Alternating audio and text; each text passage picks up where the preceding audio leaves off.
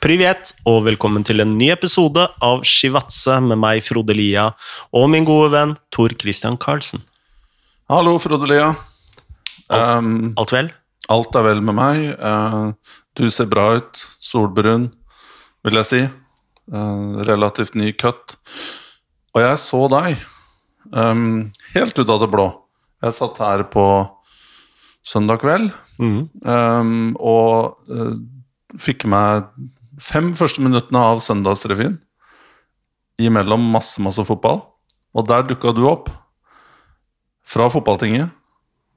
eh, og ble strupa av en veldig, eh, en veldig engasjert Frode Lia, som ble strupa av en veldig arrogant eh, møteleder, jeg, en dirigent, må jeg, må jeg si. Ja. Og dette ble da spilt opp i Søndagsrevyen som et eksempel på engasjementet i anførselstegn på fotballtinget. Eh, hvordan har de dagene vært for deg nå? Et, under og etter det? Ja, altså, dagene har vært eh, veldig eh, vanlige for meg. Altså, når man sitter der og snakker og blir uh, snakka hardt til av en møteleder, så i hvert fall jeg tenkte ikke så mye over det da. Men uh, en time eller to etterpå så ble jeg skikkelig sint. Eh, for jeg opplevde det som en slags sånn maktarroganse uh, ut av det blå. Og jeg skjønte ikke hva jeg hadde sagt som skulle være så krit... Eller så per, altså han sa at uh, det handla om at eh, jeg kom med personangrep, men det gjorde jeg jo overhodet ikke. Fordi det jeg Altså bare for å ta saken, da. eh, Man debatt, debatterte hele denne Qatar-saken. Og det er jo en sak jeg har jobba med i ja, over ti år. Helt siden tildelingen så har jeg vært tett på den saken. Og når jeg var eh, redaktør i Josemar, så var vi jo også første medie som kom på innsiden av, eh, av der eh, fremmedarbeiderne bodde. I hele verden. I hele verden. Altså, da vi var på bakken, så var det Josimar med en TV 2-fotograf på slep, holdt jeg på å si. Eh, veldig dyktig fotograf. Og så var det en tysk TV-kanal. Eh, den tyske TV-kanalen blei jo arrestert. eh, mens uh, Josemar journalist Lars Sivertsen og TV 2-fotografen, som jeg ikke husker navnet på akkurat nå, som jeg burde Men eh, de klarte å komme på innsiden. Og veldig mange av de bildene han filma, er jo de som også går rundt omkring i verden fortsatt. Eh, Så dette har vært en sak jeg, jeg kan veldig mye om. Og når jeg da ser uh, det blir satt ned et utvalg, og at uh, de fremhever en organisasjon som heter ILO, som jeg vet mottar masse penger fra Qatar, uh, og har rykte for, for, på seg for å være uetterrettelig på bakken i Qatar. Og da Sven Mo- Mollekleiv, som da leder dette utvalget, da sier at eh, vi legger ekstra stor vekt på samtalene og rapportene vi har da fått fra ILO, som uh, mottar hele 24 millioner dollar fra Qatar. Altså de er finansiert av Qatar.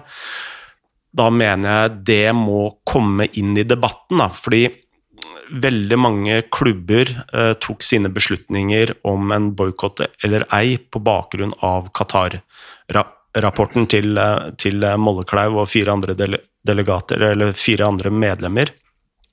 Og hvis kildegrunnlaget til, eh, til denne rapporten er fullstendig feil, så må det opplyses om. Og da møteleder da prøver å strupe meg når jeg prøver å opplyse delegat, delikatene, delegatene om akkurat det, så er det jo en maktarroganse ut av denne verden. Da holder man for ørene, da holder man for eh, øynene, og vil på en måte ikke øh, opplyses av fakta. Da. Og det var min agenda. Det var jo ikke å, å, å støtte ene eller, eller den andre siden. Min agenda var at det, hvis vi skal diskutere denne saken, så må riktig fakta ligge til, ligge til grunn. Og først når man har riktig fakta til grunn, så kan man begynne å diskutere saken. Og det var jo veldig mange delegater som sa at uh, denne rapporten var grundig og godt uh, gjennomarbeida. Sånn jeg ser det, og sånn jeg har opplevd uh, å ha dekka Qatar-saken over flere år, så er det ikke en grundig rapport. Uh, den Altså, den bygger på veldig mange feilkilder. Og bygger du en rapport på feil kilder, så blir også konklusjonene feil. Eh, så det var på en måte min agenda, og jeg blir jo opprørt når jeg prøver å bli strupa. Fordi det, det sier også litt om at eh, de ikke tror på det jeg sier.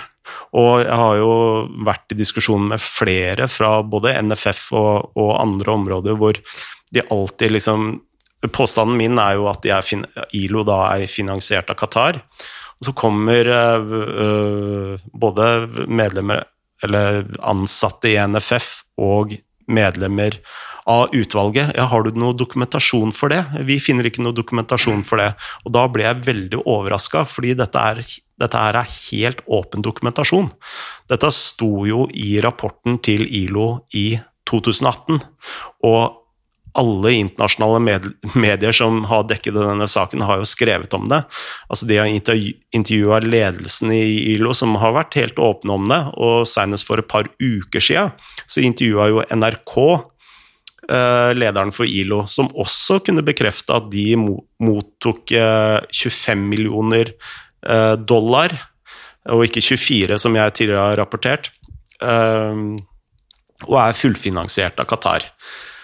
Og det som er caveaten her, er jo at fram til 2017 så var ILO Qatar-regimets største kritiker. Men etter 2018, etter finansieringen kom på plass, så har de ikke kommet med en eneste kritisk rapport om forholdene i Qatar. Og det er en um, påfallende eh, tilfeldighet, da, for å si det minst. Eh, og i tillegg så andre organisasjoner på bakken i Qatar Eh, har jo uttalt uh, ting som at uh, ILO er en ren propagandamaskin. NRK hadde jo også et langt intervju med, med, tidligere leder for ILO i arabiske land, Afsan Khan, som mente at ILOs rapporter er bare hva Qatar-regimet ønsker skal stå der. Uh, med andre ord et rent propagandaverktøy. Og sånn opprører meg, da. Altså, det er en sånn maktarroganse fra både utvalget og møteleder, og til dels NFF, som uh, jeg syns er helt utidig. Um, et, ja, og du var jo også ute i ukene før uh, tinget og informerte om den rapporten. Mm. Uh, og at så fort du og og andre la merke til at ILO var brukt her, mm. så så jeg jo at dere var, var fort ute og, og, forklarte hvem ILO er, og hva de, hva de holder på med. Uh, og deres connection til Qatar. Ja. Um, tror du dette er um, Jeg bare spør naivt, ja. jeg. Jeg kjenner ikke Hvis du har på en måte 100 kunnskap om dette, så har jeg kanskje to. Mm. Så jeg tillater meg å spørre uh, litt naivt. Men tror du dette er på en måte ignoranse fra um, fra de som har satt sammen Altså fra utvalget eller de som har satt sammen rapporten? Um, eller er dette på en måte uh, er, man, er, man, klar over det? At liksom, Ja, men vi føyer det under teppet at på en måte ILO har noen uh, hender i noen, uh, noen paier her. Men det er det vi har, og vi bruker det, og så lager vi denne rapporten, også så er det greit. er det ignoranse, eller er det venstrehåndsarbeid, da? Altså det blir jo bare spekulasjoner fra min side, men det er jo i hvert fall en naiv omgang av kilder. Og det må jo ligge til grunn. Og så er det veldig masse unøyaktigheter, som du sier, da. F.eks. på eh, NFF sine egne sider så kan du se påstander som at eh, Og dette har jo også Sven Mollekleiv eh, uttalt, at Amnesty står for vår linje, f.eks. Det er en ting de har gjentatt flere ganger i mange intervjuer overalt. Og dette veit jeg opprører Amnesty, Fordi Amnesty har jo ikke tatt stilling til boikottspørsmålet. Altså, de har jo vært eh, åpne hele veien, at de tar ikke stilling til, til, eh, til boikottspørsmålet, så at de støtter flertallets eh, eh, syn på å ikke boikotte, det stemmer rett og slett ikke. Eh, Så her er det drar man sannheten ganske langt, da. Og eh, for meg så virker det nesten mer som en valgkamp enn eh, enn det å komme til bunns til en eller annen sannhet. Og, eh, og det, er en, eh, altså det er mye bra i selve rapporten, altså situasjonsbeskrivelsen og sånt, men i og det at eh, du bruker så feilkilder, så blir også konklusjonen feil, da, for du legger feil, eh, vekt på feil ting. Eh, og jeg sier ikke at det er et boikottstandpunkt er mer riktig enn det. Det er bare at det, situasjonsbeskrivelsen blir, blir feil, og da kan eh, konklusjonen også bli feil. Hvis du, hvis du ser fremover um, Nå er vi der vi er, og um, en annen eh, Et utfall av eh, på en måte den folkebevegelsen som har um, starta Mm. i, um, i forbindelse med Qatar-VM, og, og boikott, ikke boikott, Mm. den, eh, den lever jo fortsatt. Mm. Uh, og jeg syns det er veldig uh, setter jo pris på det engasjementet og syns det er veldig fint å se at folk ikke bare liksom um, Ja, dytter til de, de ukomforta, ukomfortable tingene med fotball, som det er mange av, at det blir satt fokus på. At, Også at Norge og, øhm, for så vidt har vært en pådriver i dette her. Ehm, så lurer jeg på, nå som det har kommet eh, som et resultat at det ikke ble stemt for boikott, så stemte man heller over en del punkter som NFF da og Terje Svendsen i spissen blir mer eller mindre pålagt av norsk fotball og folk og medlemmene Mm. til å implementere. Mm.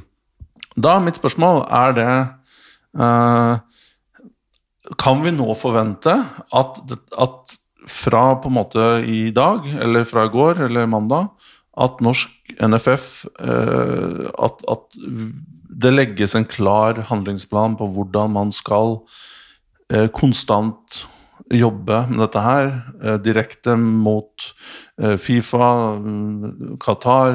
Altså, Kan man forvente at det blir en koherent strategi, en smart strategi og en effektiv strategi, som, i, med, som medlemmene tross alt krever? Mm. Eller blir dette her bare liggende i og, og flyte?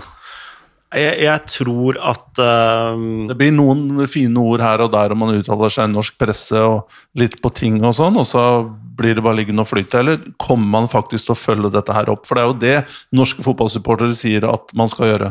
Ja, altså jeg tror at eh, dette har vært en eh, skikkelig wake-up call for eh, styret i NFF og president og administrasjon. At man er så langt bort fra grasrota. Eh, og det så du også i en avstemning hvor det var opp til valg om eller avstemning om man skulle granske hvordan NFF hadde håndtert Altså, det har kommet en del påstander om at NFF har instruert kretsene til å legge press på klubbene om eh, at de skulle da stemme mot en boikott. Det er jo ekstremt graverende. Ja, hvis det stemmer. Ja. jeg har ikke noe belegg for å si om Men jeg bare ser at det har kommet en del påstander om det, og det var da eh, oppe at det skulle nedsettes en granskning, uavhengig granskningskomité som skulle se på de påstandene der. Og her kan jo NFF være med å stemme på om de skal bli granska selv, sammen med kretsene, og de utgjør omtrent en tredel av tinget. Og det mener jeg er et, eh, et demokratisk problem, eller i hvert fall en demokratisk utfordring, at de har en så stor del av eh, stemmemassene på et ting, når eh, den store medlemsmassen egentlig skal være et kontrollorgan for administrasjon og styre sentralt. Um, og da blir det litt sånn at uh, man så, det, så det var jo ikke noe overraskelse at det, det ble vedtatt en nei til boikott. Fordi uh, i og med at uh, man sentralt da står for en tredel av eh, stemmene. Men så, sånn sett kan man jo også være litt trygge på sin posisjon, da, NFF sentralt. Men samtidig så tror jeg at dette har vært en, en wake-up call. Man har skjønt tegninga. Så jeg og jeg er ikke den personen som jeg altså Når jeg ser en NFF-president som f.eks. Terje Svendsen, at jeg ser jævelen på, på, veggen. Det tror jeg ikke. Jeg tror Terje Svendsen er en oppriktig god mann. Uh, jo, men jeg tror det.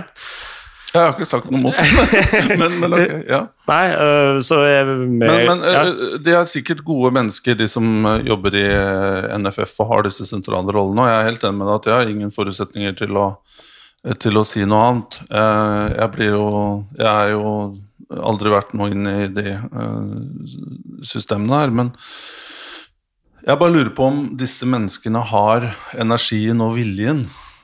Jeg, har mine kanskje feilaktige og klisjébaserte tanker om litt om effektivitet og litt om viljen til å modernisere seg, litt om profiler på mennesker som man kanskje henter inn i de systemene. Mm. Som sagt, dette er bare egne mm. personlige tanker. Eh, men de tankene er der. Eh, og jeg lurer på om er det Altså, har vi rett og slett mennesker som klarer å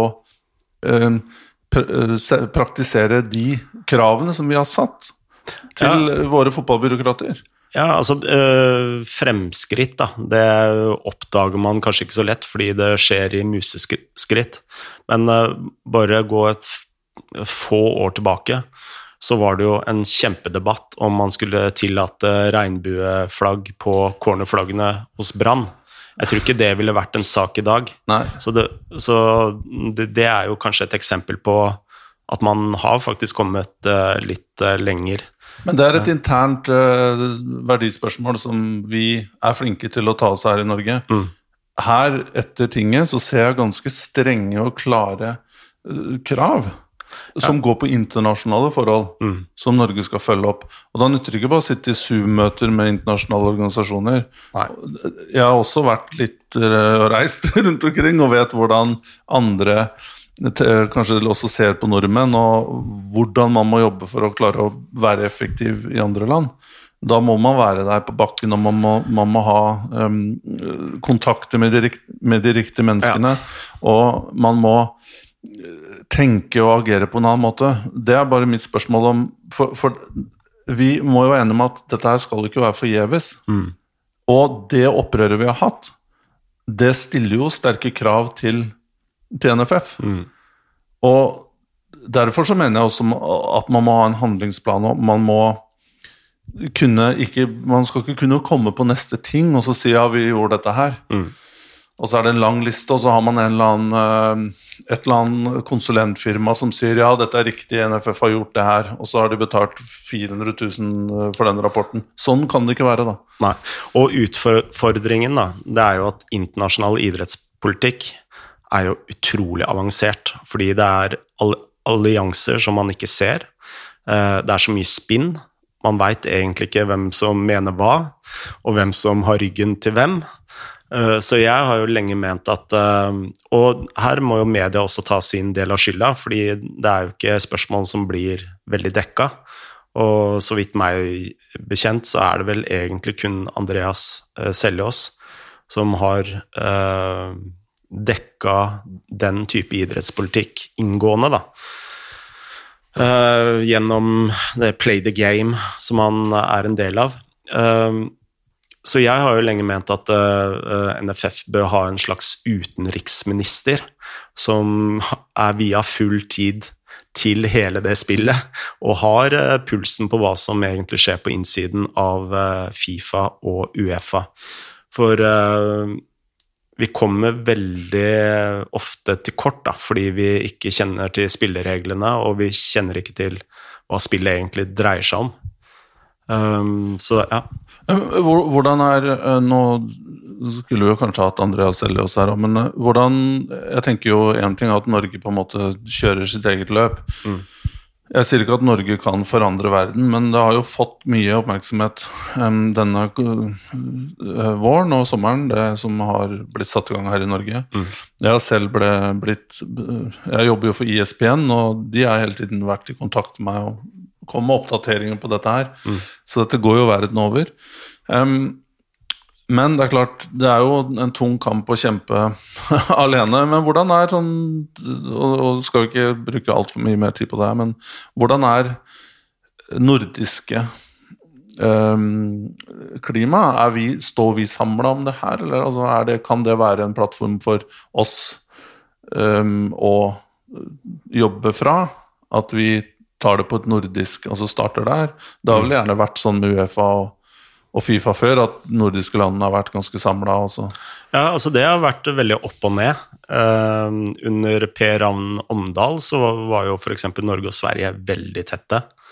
Og så var det en periode hvor vi hadde ganske ulike interesser, selv om vi forsøkte å samarbeide. Og så hadde, hadde du Danmark og Island uh, som har hatt ledende stillinger, eller ledende verv, inn, inne i eh, Uefa. Så uh, da har man hatt perioder hvor vi har stått veldig langt fra hverandre, hvor man har hatt allianser på, på tvers av de nordiske landene igjen. Da. Men nå har jeg inntrykk av at man uh, er en periode hvor man holder mer sammen igjen. Da. Em, vi fikk et veldig godt eh, lyttespørsmål her, Frode, som, er, som jeg har lyst til å ta opp. Det er et veldig stort eh, spørsmål, da. Eh, men jeg syns allikevel at vi bør ta det. Et par spørsmål her. Det er Tom André Sande som er ganske direkte her. Må fotballen startes, starte på nytt? Bli kvitt Fifa og Uefa? spørsmålstegn.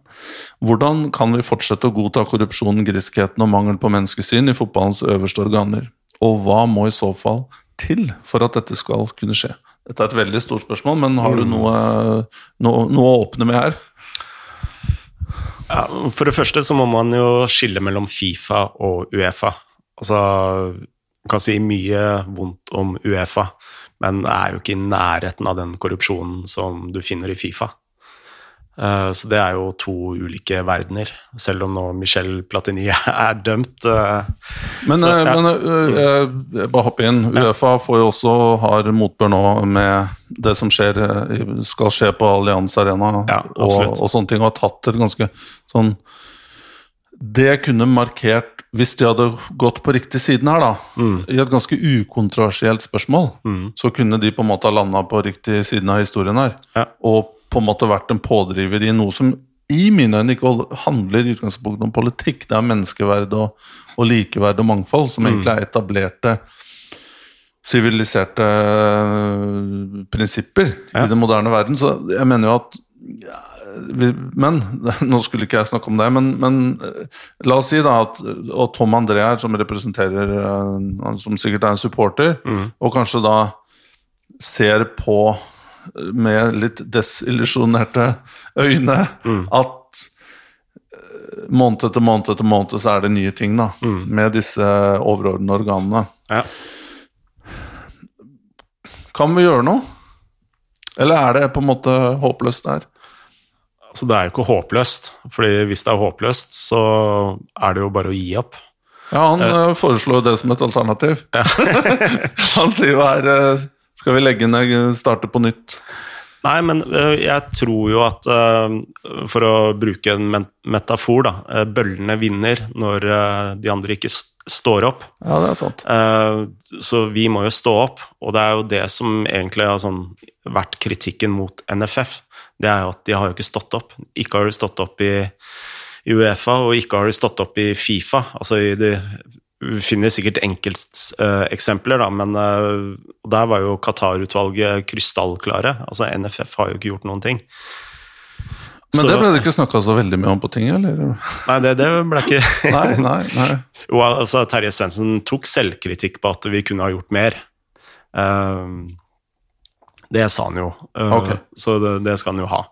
Og han har sagt det en rekke ganger. Men uh, jeg mener man kunne ha gjort uh, mye mer tidligere, og i flere saker enn bare Qatar. da. Men uh, hvis du, mm. kan ta dette fra en annen vinkel. Mm. Fordi um, godeste Tom André Sande fikk svar på den tweeten.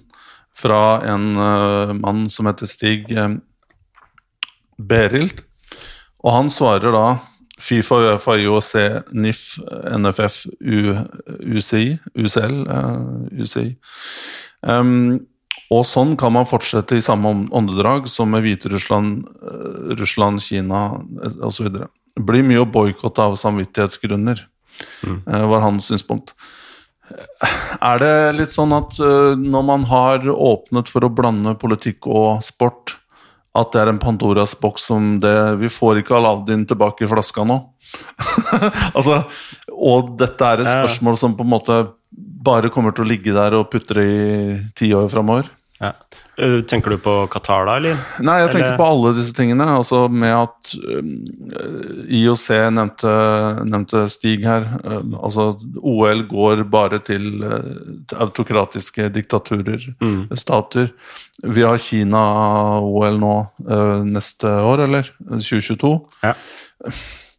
Altså dette bare fortsetter og fortsetter. Mm. Og at Du har snakka om sportsvasking, og det er jo sportvasking i sin pureste form. da, mm. At, at forferdelige regimer får får eh, disse arrangementene. i Hviterussland fikk vel en kvinneturnering, var det U19-EM mm. nå? Noe som er helt vilt, fikk de nå. Mm. Eh, midt i, under protester der i Minsk, og folk blir eh, Man til og med drar ned Ryanair-fly i lufta mm. med jagere. Mm. Og så velger man å, å, å sette EM dit. Er det nesten sånn at det er for få som på en måte ønsker å bruke sporten som noe annet enn underholdning. Nei, eh, motsatt. At det er for mm. få som på en måte aksepterer det premisset, at det bare er underholdning. Og mm. at det er noe alle skal forenes om, uansett hvilket land du bor i og hvem som er leder. Ja. Um, Altså, dette må bli en bevegelse som blir mye mye større for at den skal ha noe slagkraft? eller? Ja, ja og, så, og, det er jo her eh, egentlig debatten om boikott eh, sto. Fordi den store boikottbevegelsen handla jo egentlig ikke om å boikotte Qatar, handla jo egentlig om å boikotte Fifa. Um, og det var jo et premiss som utvalget egentlig ikke tok så stor høyde for. Fordi uh, Altså, det, det handla jo om flere fasetter. altså Fremmedarbeiderne er jo én ting. Og, men uh, veldig mange av supporterne engasjerte seg egentlig i det du snakker om. da, Om hvordan stoppe sportsvasking, stoppe korrupsjonen i Fifa, sånn at sporten ikke brukes til uh, altså de motivasjonene der. da. Og uh, så man snakk, I hele boikottspørsmålet så snakka man veldig det ble mye fokus på eh, fremmedarbeiderne, rettmessig etter min mening, men i mange supporters øyne også altfor lite om Fifa.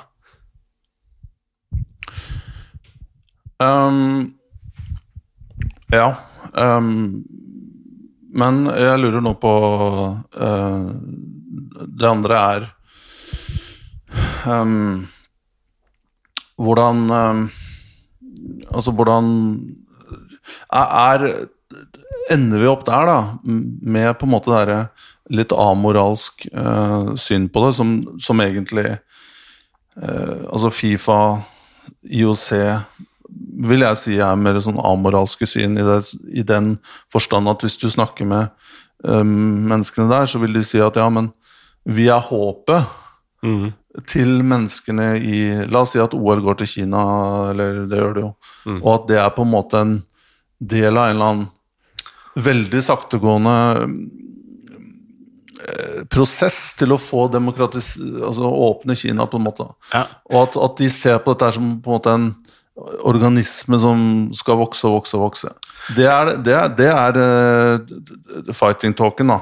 Ja, det, altså det jeg tenker er litt sånn spennende med akkurat det, da, det, det er jo Altså I Loland-rapporten så, så, lister han opp en del sånne premisser som må være til stede for at boikott skal være eh, effektivt. Og et av de premissene er at det er et avhengighetsforhold. Um, og Qatar har jo ikke et uh, avhengighetsforhold til Norge, så du Så de som går da imot boikott, mener da at en boikott ikke vil være effektivt overfor Qatar. Fordi eh, Qatar rett og slett ikke er avhengig av Norge, eh, rettmessig. Ja. Men hvis du snur på det og spør om Fifa, da Si Norge hadde vedtatt en boikott. Um, og en uh, revolusjon starter jo alltid med noe smått, for å bruke litt patosord her. Og du ser jo hva hva som skjedde når eh, landslaget hadde på disse trøyene med human rights og sånt. Spredde seg til Tyskland, spredde seg til Nederland, spredde seg overalt. Og en sånn boikott har jo fått eh, Altså bare debatten om boikott har jo fått eh, mye resonans mm. rundt omkring i, i, i, Europa. Så si, da, Tyskland er med på en, den boikotten. Da begynner man å snakke om et avhengighetsforhold for Fifa har jo et eh, avhengighetsforhold til at folk ønsker å være med i et VM. Ja. Um, så det handler jo bare om å få opp en, en, slags kritisk masse. Og så kan du jo da komme med motargumenter igjen. Ja, 2006-VM som var i Tyskland, det var jo ja, uh, arrangert det. Ja. ja. Det var jo korrupsjon der òg. Så mm, det ser jo veldig smart, svart ut. Men den eneste løsningen er jo det som skjedde på tinget. Det er jo at eh, folk eh, engasjerer seg. Uh, altså, Første gang jeg var på tinget, så var det kanskje 170 delegater. Nå var det 550. Ja. Uh, så da har jeg starta en flamme, på en måte.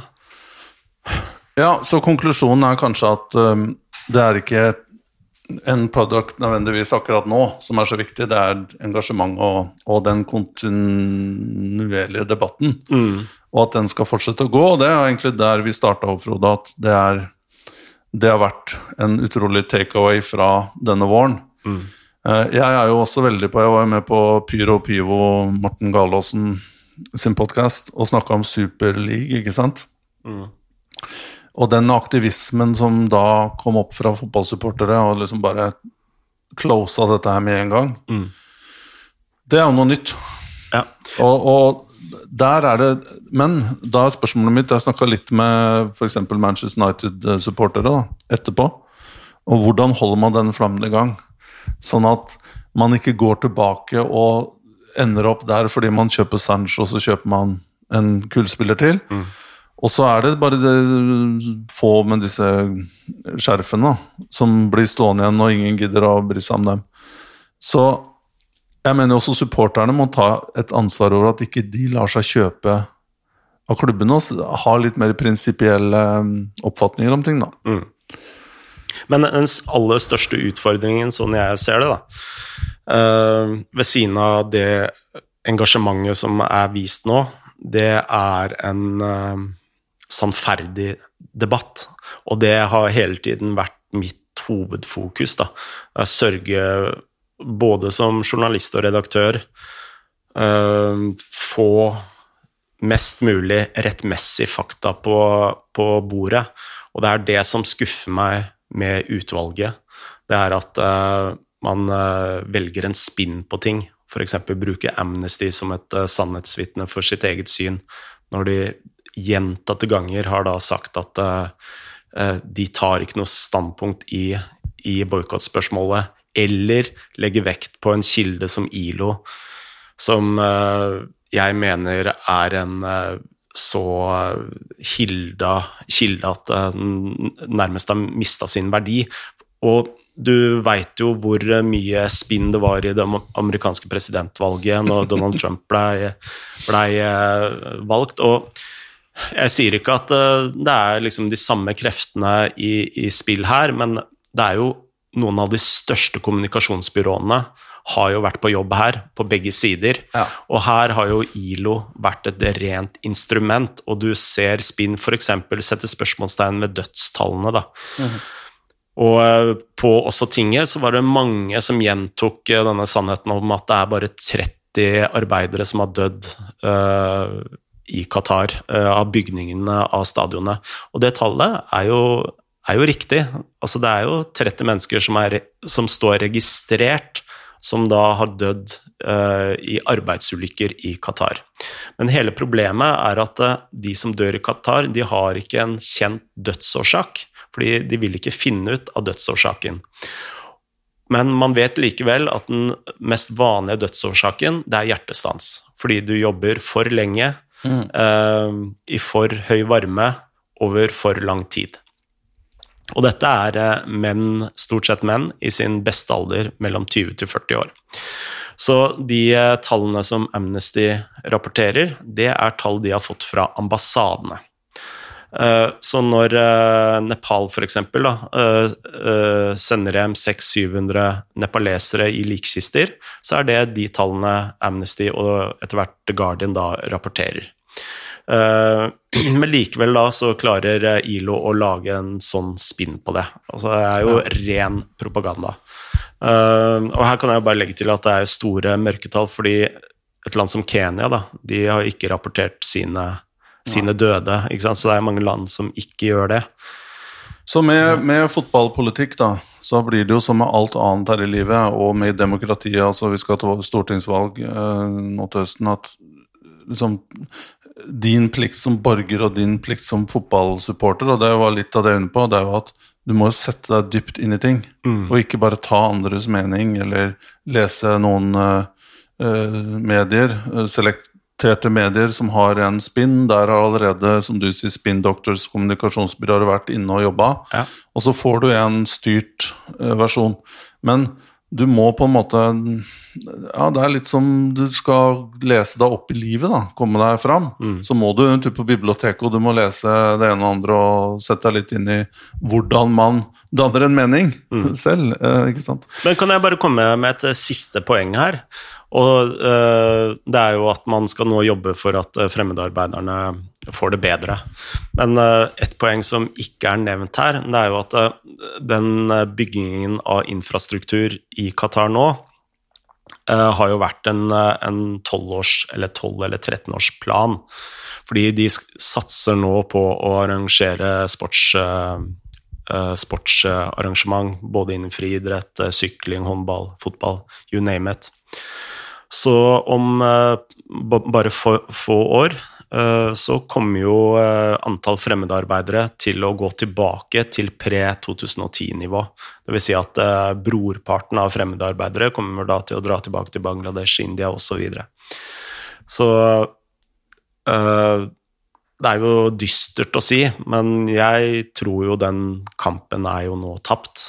Fordi det er jo game over. Nå er det VM neste år. Det er ja. ikke noe Uh, og, da, og da, står det Da står jo Det som skulle bygges, det har blitt bygd. Det har blitt bygd, ja. Um, men bare ta, vi skal ta kjapt uh, før vi går over til, um, til uh, sport, mer lystige ting.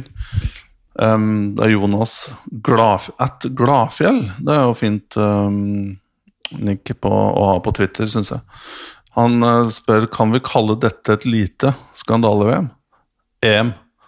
Uh, spillerne, spillere tvinges til å fortsette etter å ha vært vitne til hjertestans, svartskjorter blant publikum i Budapest, regnbuemarkering på stadion i, i München forbys. Nå har vi tatt det siste punktet der, da. Mm. Uh, men uh, de to første der, altså Er det igjen dårlige calls av Uefa, på en måte? det at Danmark Ok, dette er litt sånn snøen som falt i fjor, er det jo ikke. Eriksen og vi har full respekt for han og ønsker han fortsatt um, en steady recovery, selvsagt. Uh, men er liksom følgefeil på dårlige calls her. Uh, og, og, når etiske ting uh, etiske, Store etiske spørsmål, så holder det kanskje ikke å være amoralsk lenger, da. Nei, eh, vi har jo snakka mye om uh, sånn eierstruktur, om 50 pluss 1 og uh, rene AS og medlemsstyrte klubber også. Og det, den felles konklusjonen vi har gjort, tror jeg, da Nå skal jeg ikke putte ord i din munn, men det er jo at ting er jo veldig personavhengig. Mm. Altså Noen klubber kan det ene fungere fordi du har en personsammensetning som er god, mens Eh, I en annen klubb så er det helt annet. Eh, så, så man må aldri ta bort enkeltindividenes uh, ansvar her, da. Og jeg har jo tenkt mye på da, altså, NFFs fremtoning har jo endra seg fullstendig etter at Ståle Solbakken ble landslagstrener. Fra å virke veldig siderumpa Ja. og konservativt, så har det blitt plutselig en progressiv eh, organisasjon på mange måter. Eller Kan jeg mer- hoppe inn? Ja. Tror du alle er like fornøyde med det der oppe på Ullevål? Eh, ja, det veit jeg ikke. Det tror jeg. For han tar jo mye oppmerksomhet og mye kritikk. Ja, men det er jo andre som må våkne òg, da. Ja, ja som, har hatt det absolutt. veldig, Men, eh, som har hatt det veldig bedagelig før Ståle kom. Ja, men eh, altså, det er jo bedagelig at eh, noen bare tar bort Altså, når VG skal eh, rette søkelys på noen, så er det han. Ja, men han gidder vel ikke gjøre det i Nei, altså, det men- kommer jo en blåmandag. Ja, men det kommer vel en mandag han tenker at nå får, skal være flere om det beinet her. Ja. Uansett, så enkeltindivider skaper jo også organisasjoner, da. Og den personen som da var på parken, som kom med det ultimatumet Ja, det er en call du skal gjøre der og da, og Ja. uansett hva du gjør, så blir det feil, da. ja, Så ja. Som pappa pleier å si, det er lov å bruke huet.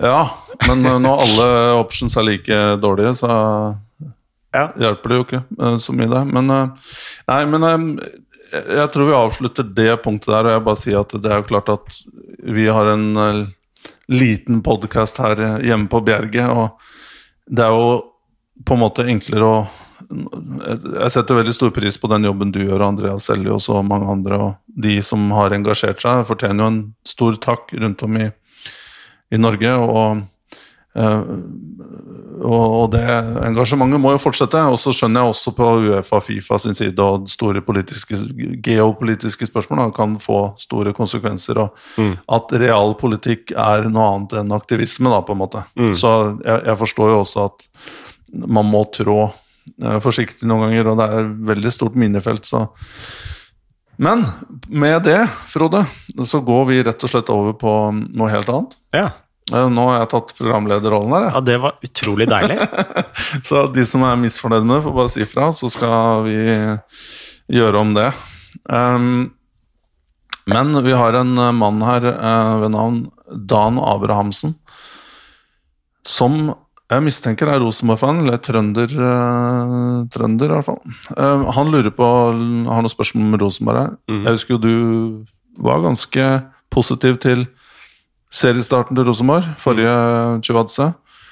Jeg tror det, altså. Hvis du går tilbake og spor, spor tilbake og hører, av kjære lyttere. Eh, hvorfor klarer ikke Rosenborg å utnytte de ressursene de har?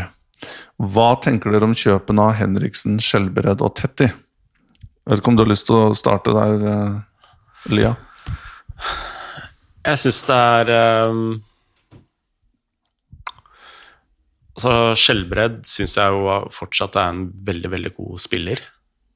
Uh, Henriksen er jeg mye mer usikker på, også med tanke på skadehistorikk, og samme med Tetti.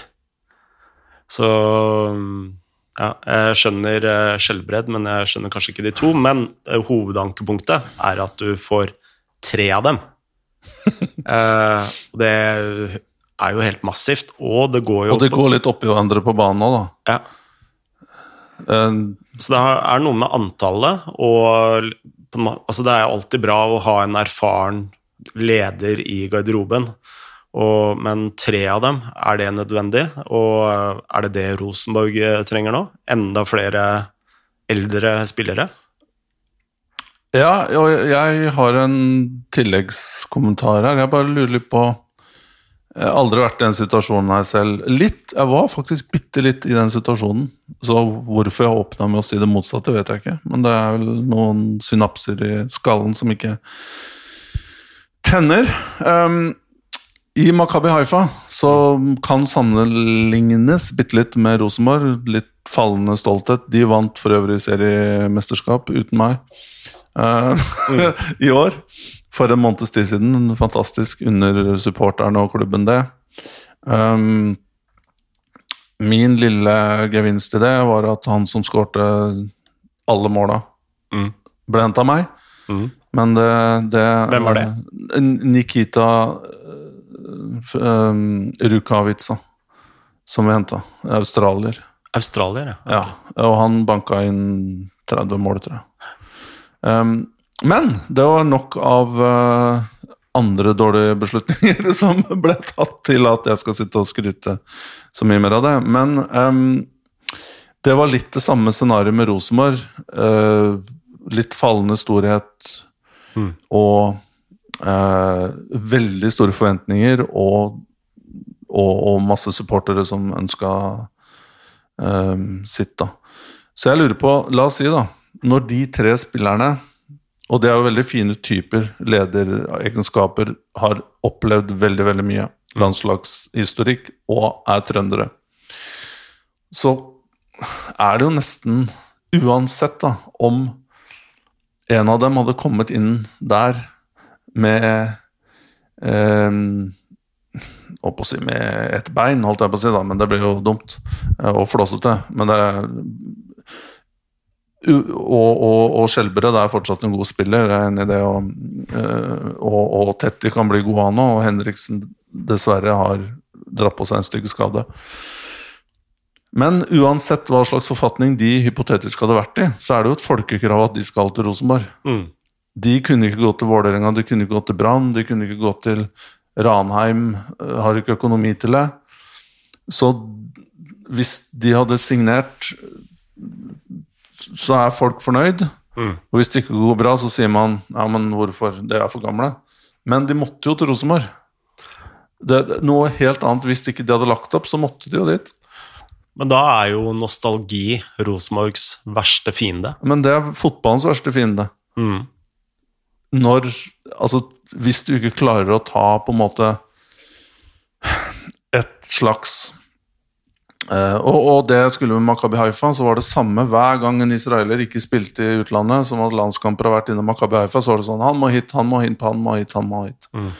Um, men samtidig så skulle du ha opp alt av unge fra det suksessrike U19-laget. Og det er jo stammen av det laget som faktisk uh, var med å vinne Eliteserien, eh, eller ligaen der nå. Så jeg føler at RBK blir litt sånn bondefanget på grunn av sin bakgrunn. Mm. Fordi det er ikke noe alternativ. Snart så kommer det en trønder til som skal hjem. Og snart er det et fol- folkekrav om 4-3-3. Ikke sant? Ja, men det er bare Åke som kan eh, Som er sterk nok til på en måte å Men hvis det går dårlig, så kommer jo 4-3-3-praten igjen, som Ja. du sier.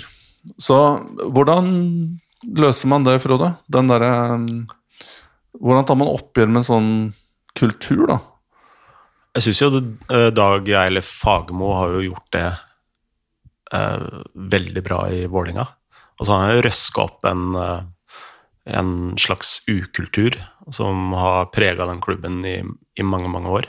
Men hva, var- hva var den ukulturen i, i Vålerenga? Nei, det var veldig mange mette spillere. Um, fraværet av eh, krav. Um, og veldig mange spøkelser i korridorene.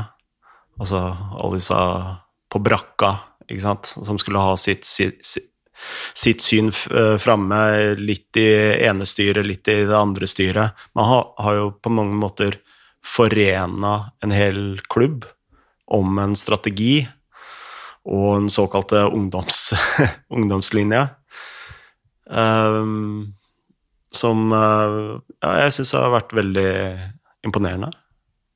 Og det er vel sånt nå, for å ikke bli bondefanga i en slags sånn nostalgi, da, så må du ha, være en trener Og Åge er jo for så vidt den treneren. Altså, det kunne jo ikke vært en annen trener som uh, kunne ha gjort uh, Altså samla en klubb på den måten uh, Rosenborg trenger å bli samla. Som bare staker ut en kurs, da. Og skrote 4-3-3. Få på disse ungdommene fra akademiet. Eh, og når all praten om resultatet kommer, så klarer han å liksom roe av det til du er liksom i en posisjon hvor du eh, og tåler å komme på den fjerdeplassen for å kunne ta den eh, førsteplassen ett eller to år fram i tid. Så du må rett og slett ha en sånn sterk leder, da. Men problemet her er at det er aldri noe garanti om at den førsteplassen kommer.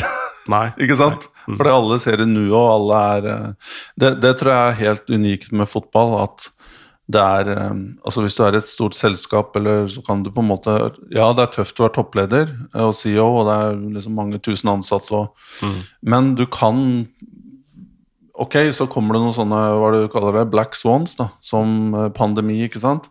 Som er kan make or break en, en, en velfungerende business. Selv om i Norge her så har vi tatt godt vare på de som eh, Det virker som at mm, man har hatt støtteordninger som er effektive. Men i fotball så er det veldig veldig vanskelig å projektere noen ting som helst. Du selger en god spiller, så taper du um, mye, og det kan være en skade, det ene og det andre, ikke sant. Mm. Men jeg er jo enig med deg at på et eller annet tidspunkt så, så må man ta det valget, og ehm, og, og eh, bare liksom Ok, jeg kommer, vi gjør det her, vi gjør et forsøk, prøver noe helt nytt. Og vi bruker unge spillere, vi kjører på. Og så lenge vi ikke rykker ned, så får det på en måte bare briste og bære. Og så bygger vi derfra. Og så får man være tøff nok til å si at ja, hvis ikke det funker, så Jeg kan ikke bestemme hva styret eventuelt kommer til å gjøre. Nei. Det får man aldri kontrollert, men du kan i hvert fall legge igjen din filosofi og beste innsats da, i hverdagen. Men svaret på spørsmålet her da, ehm, er vel kanskje at ehm, eh, at til Dan at, eh, at eh, Rosenborg, altså ressursene Mye av det går jo til romantikk.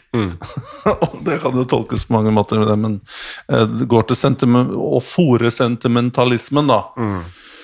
Um, og at man er litt fanga i at man i kapasitet av en stor klubb som ikke leverer, hele tiden må kjøpe, prøve nye ting, sparke trenere mm. for å vise seg handlingsdyktige. Det er sånn jeg tolker det. Jeg vet ikke, Har vi tid til mer, Frode, eller vil du Vi kan jo kanskje ta ett til. Ja. Um, da tenkte jeg bare på tampen eh, ta det Komme inn på Tottenham og Spurs igjen. Ja. Fordi vi Forrige podkast var vel en måned siden. Og da var Fabio Paratici på vei inn. Eh, Paolo Fonseca så ut til å bli hovedtrener. Det var ganske klart. Paratici er på plass. Fonseca kom aldri pga. skattefinuliteter. Eh, Som gjorde hans ansettelse mye, mye dyrere for Tottenham. Og im- prøvde man seg på Gattuso for en ukes tid siden, som fikk eh, ekstrem motbør i, eh, i, i omverdenen. Så det gjorde man heller ikke. Så nå, i dag er det Vi spiller en uh, Chivadze-podkast, så er det 23., tror jeg, når jeg ser på mobilen. Og det er 23. juni. Og Tottenham har ingen definert hovedtrener, selv om det er Ryan Mason eh, for så vidt tar midlertidig ansvar her, men når du har hatt en shortlist og har hatt konkrete samtaler med flere kandidater, så vil det i hvert fall i mine øyne virke merkelig om man går tilbake på Mason. Mm. Så har du noen eh, tanker om den situasjonen her, og så tenkte jeg å følge opp med Harry Kay, men du kan jo starte med, med hele den historien rundt trenerne. kan, Kanskje begynne med Gatto- da. Eh, for det, det er jo mange som uh, hev, heva øyenbrynene når hans navn ble nevnt, og, og skjønte ikke hvordan det kom fra. Men her er det jo en mann med navn Jorge Mendes Ja. som eh, lurer i buskene. Og, og uh, Gattuso Eller Mendes er vel da agenten til Gattuso, og Mendes er også veldig nær Paratici. Ja. Ja. Så der er jo den linken. Så vi, eh, i hvert fall jeg, venter jo egentlig på um, Nuno Espirito dos Santos. ja. Um, Det var mouthful. ja, det var uh, Og jeg kan jo portugisisk, så jeg burde jo kunne Ja. handle den. Uh, men uh, det er vel neste navn jeg forventer. Der, dernest en annen trener i, i porteføljen til, til Mendes er vel nærliggende. Um, ja. Fordi både Everton og Palace er vel også fortsatt etter en hovedtrener, tror jeg. Mm, Uh, hvis ikke jeg har forvilla meg altfor langt inn i EM-rusen min. Men, Og Santos var vel nære å signere for ja. Eller i hvert fall kobla til begge. Um, men eh, er det litt sånn Blir det for søkt, på en måte? Nå har Livi vært ute et, Altså da Mourinho ble oppsagt, sparka, Mm. så var jo Livi ute med sånn lang statement på hjemmesiden hvor at ja, gått vekk fra prinsippene til Tottenham, og nå skulle man tilbake til DNA. og Skulle gjøre dette på en ryddig måte. og Eh, og det jeg syns er veldig uheldig, på en måte her, da, det er jo at, og, og, overraskende at på en måte Paratici virker det som, igjen understreker virker det som, har spilt sitt første kort med Gattuso, Mm. som man kanskje burde forstått at ikke er uh, flavor of the month i Tottenham, av mange forskjellige årsaker som man Tottenham-supporter vet nå. Um, og da spiller han seg også litt selv utover sidelinja. Mm. Og må kanskje jobbe litt til for å opparbeide seg tillit til å komme med et nytt forslag. Men det er jo veldig spesielt at en så stor klubb som Tottenham står i den situasjonen de gjør nå, Mm. par uker før oppkjøringen starter.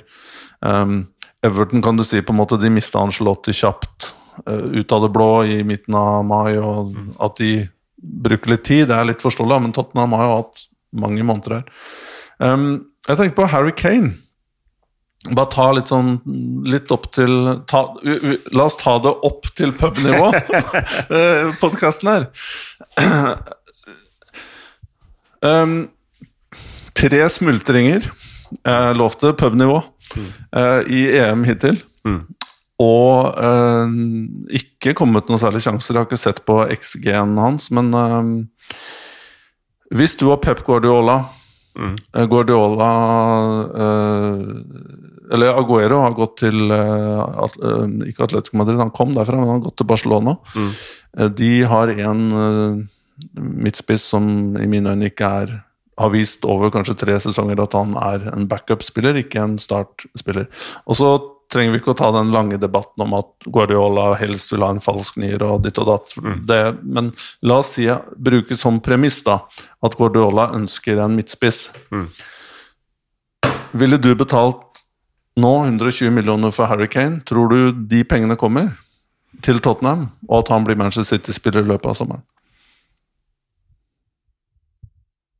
Nei, det tror jeg ikke. Hvem, hvor er motviljen her? Er det hos Tottenham, eller er det hos Guardiola? Jeg tror det er eh, Guardiola. Eh, Jeg tror han har blitt så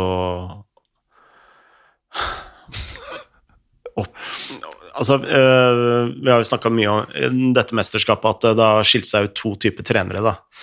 At det er de som tar utgangspunkt i spillerne, og så er det de som tar utgangspunkt i en spillestil og en formasjon og en taktikk. Og jeg tror at eh, Pep er en sistnevnte. Og eh, selv om han eh, liker å, å eksperimentere mye og sånt, så tror jeg rett og slett at han Altså når han ser på spisser, så vil han heller ha, ha det ut på kantene. Ja, men han bruker jo Gabriel Jesus nå da. Han fikk jo Ja. over 20 kamper fra start, og så noe på en måte en nier Han anerkjenner jo at det eksisterer. Ja.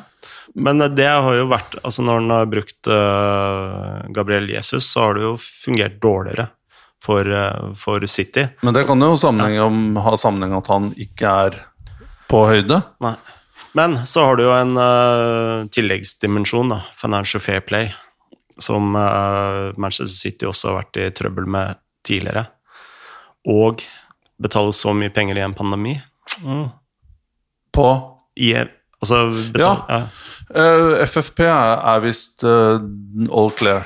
Ja. Eh, Det skal ikke være problematisk for dem nå. Det er det eh, tror jeg de har kontroll på. Mm. Eh, I hvert fall all informasjon som kommer, tyder på det. At de kan tillate seg å bruke penger, da. Mm. Um, men når jeg tenker da på Harry Kane Hvis du hadde hatt samme diskusjon om Haaland, da. så ville jeg kanskje Da ville jeg hørt deg, og at han er på en måte en rettvendt og har mange Har veldig få touch i løpet av en kamp, 30 kanskje, ish. Um, så involverer seg med andre ord ikke så mye i det oppbyggende, da. Men Kane har jo det gamet. Han, ja, han, han, han kan jo komme dypt, og han har flikken, og han har, kan holde på ballen, vinne frispark, samtidig som han er en vanvittig målskårer. Mm. Er ikke det Ville ikke det oppgradert Pep-ball? Hmm. Eller er dette et kunstnerisk prosjekt eh, til Guardiola som Altså, det handler jo Altså, én ting er jo alder. Eh, jeg bare ser for meg at Pep ikke liker å, å jobbe med så uh, gamle spillere som uh, jeg, jeg får litt sånn Gareth Bale til Real Madrid-følelse, da. Hvis det gir mening? Var Kane 91, eller? 92? Han er 29-30. Ja, han nærmer seg 30 Noe sånt, iallfall. ja. Ja. Men har jo et eh, måle... måle Jeg tar bare et sånn at rett skal være rett. Han er født i 93, så han, og han blir faktisk eh, 28 i juli. Mm. Men for en klubb som ikke Nå, nå driver jeg og skviser en appelsin som er ganske tørr her, jeg skjønner det. Og din vilje til å fortsette denne diskusjonen her er tynnslitt. Men en klubb som ikke trenger å tenke på videresalg eh, og Kane, som Ok, nå skal vi ikke bli så kort tid Altså eh, sånn derre recency bias at, at eh, eh, vi bare ser på EM. Mm. Men den skåringsstatistikken og outputen hans i Tottenham er jo så ekstrem at jeg vil jo tenke at hvis det er mulighet her til å hente en spiller som er kanskje verdens nest beste rendyrka midtspiss bak Lewandowski, Mm. eller Lukaku er oppe i den samme miksen der, men jeg ville trodd at det var no-brainer, da. Ja, eh, altså eh, Når jeg snakker om den følelsen jeg har, da, så har jo jeg alle midtspissene eh, Pep Guardiola har jobba med eh, opp igjennom, har det endt med konflikt. da. Altså Samuel Eto, Zlatan, eh, Mansukic eh, til en viss grad. Eh, så jeg, i mitt bakhode, så, eh, og etter å ha fulgt Pep ganske lenge, da, så jeg, tror jeg har et inntrykk da, at han har en motvillighet mot uh, sånne store spisstyper. Og, så er det jo Og Aguero, la oss ikke glemme, som ble beskyldt av faren at han hadde krokodilletårer. Ja. Det er faktisk noe av det morsomste jeg har hørt. Så det er jo ett aspekt, og så er det et annet aspekt at det, selv om eh, altså nå de siste ett og et halvt årene, så har jo Harry Kane blitt en mye mer møtende spiss. Så sånn sett kan han jo passe bedre inn i et City-system. Men samtidig så tror jeg at Pep kanskje tenker altså hvis jeg kjøper Harry Kane, hvor mye må jeg endre på resten av laget for at han skal fungere? Og det er den avgjørelsen jeg egentlig mest, hadde vært mest spent på å høre, den analysen der. Og jeg tror at han må endre på såpass mye at uh, han ikke er villig til å, å ta den eh, jeg, jeg tror han kommer til å rendyrke andre spillere som han allerede har, kanskje, i den, uh, den rollen. Jeg ser for meg at uh, Foden eller noe sånt plutselig ender opp midt inne i miksen der. jeg. Ja, og du har jo han godeste Delap, Liam Delappo, da, som er vanvittig eh, spennende. Har skåret fryktelig mye mål på, på U-lagene til City. En spiller som jeg Altså, jeg har ikke sett noen rykter om dette i det hele tatt, men det er jo Jude eh, Bellingham. Han kunne jeg tenke meg hadde vært uh, Passa veldig i City, da, og med Altså, han hadde passa inn overalt, men uh, um, Men jeg, jeg hadde tenkt at eh, Pep Guardiola heller ville gått den veien. Nå fikk du første, siste, første og siste ordet, Frode. Eh, for jeg skal egentlig bare benytte sjansen til å ønske Chivadze-lytterne god sommer. Og takk for uh, lojalt uh, samarbeid. Lytt, iallfall. Jeg kaller det et samarbeid. da. Det er jo en slags uh, et, et slags samarbeid, vil jeg kalle det. Ja, det er jo toveiskommunikasjon med våre Twitter-følgere, iallfall. Det er det så absolutt. Så jeg ønsker alle en god sommer. Og vi kommer tilbake når eh, klubbfotballen eh, rundt om i Europa begynner å bevege seg igjen, tenker jeg. Mm. Og som vi alltid sier her i Shivatse Privet og tre vodka ned. Moderne media.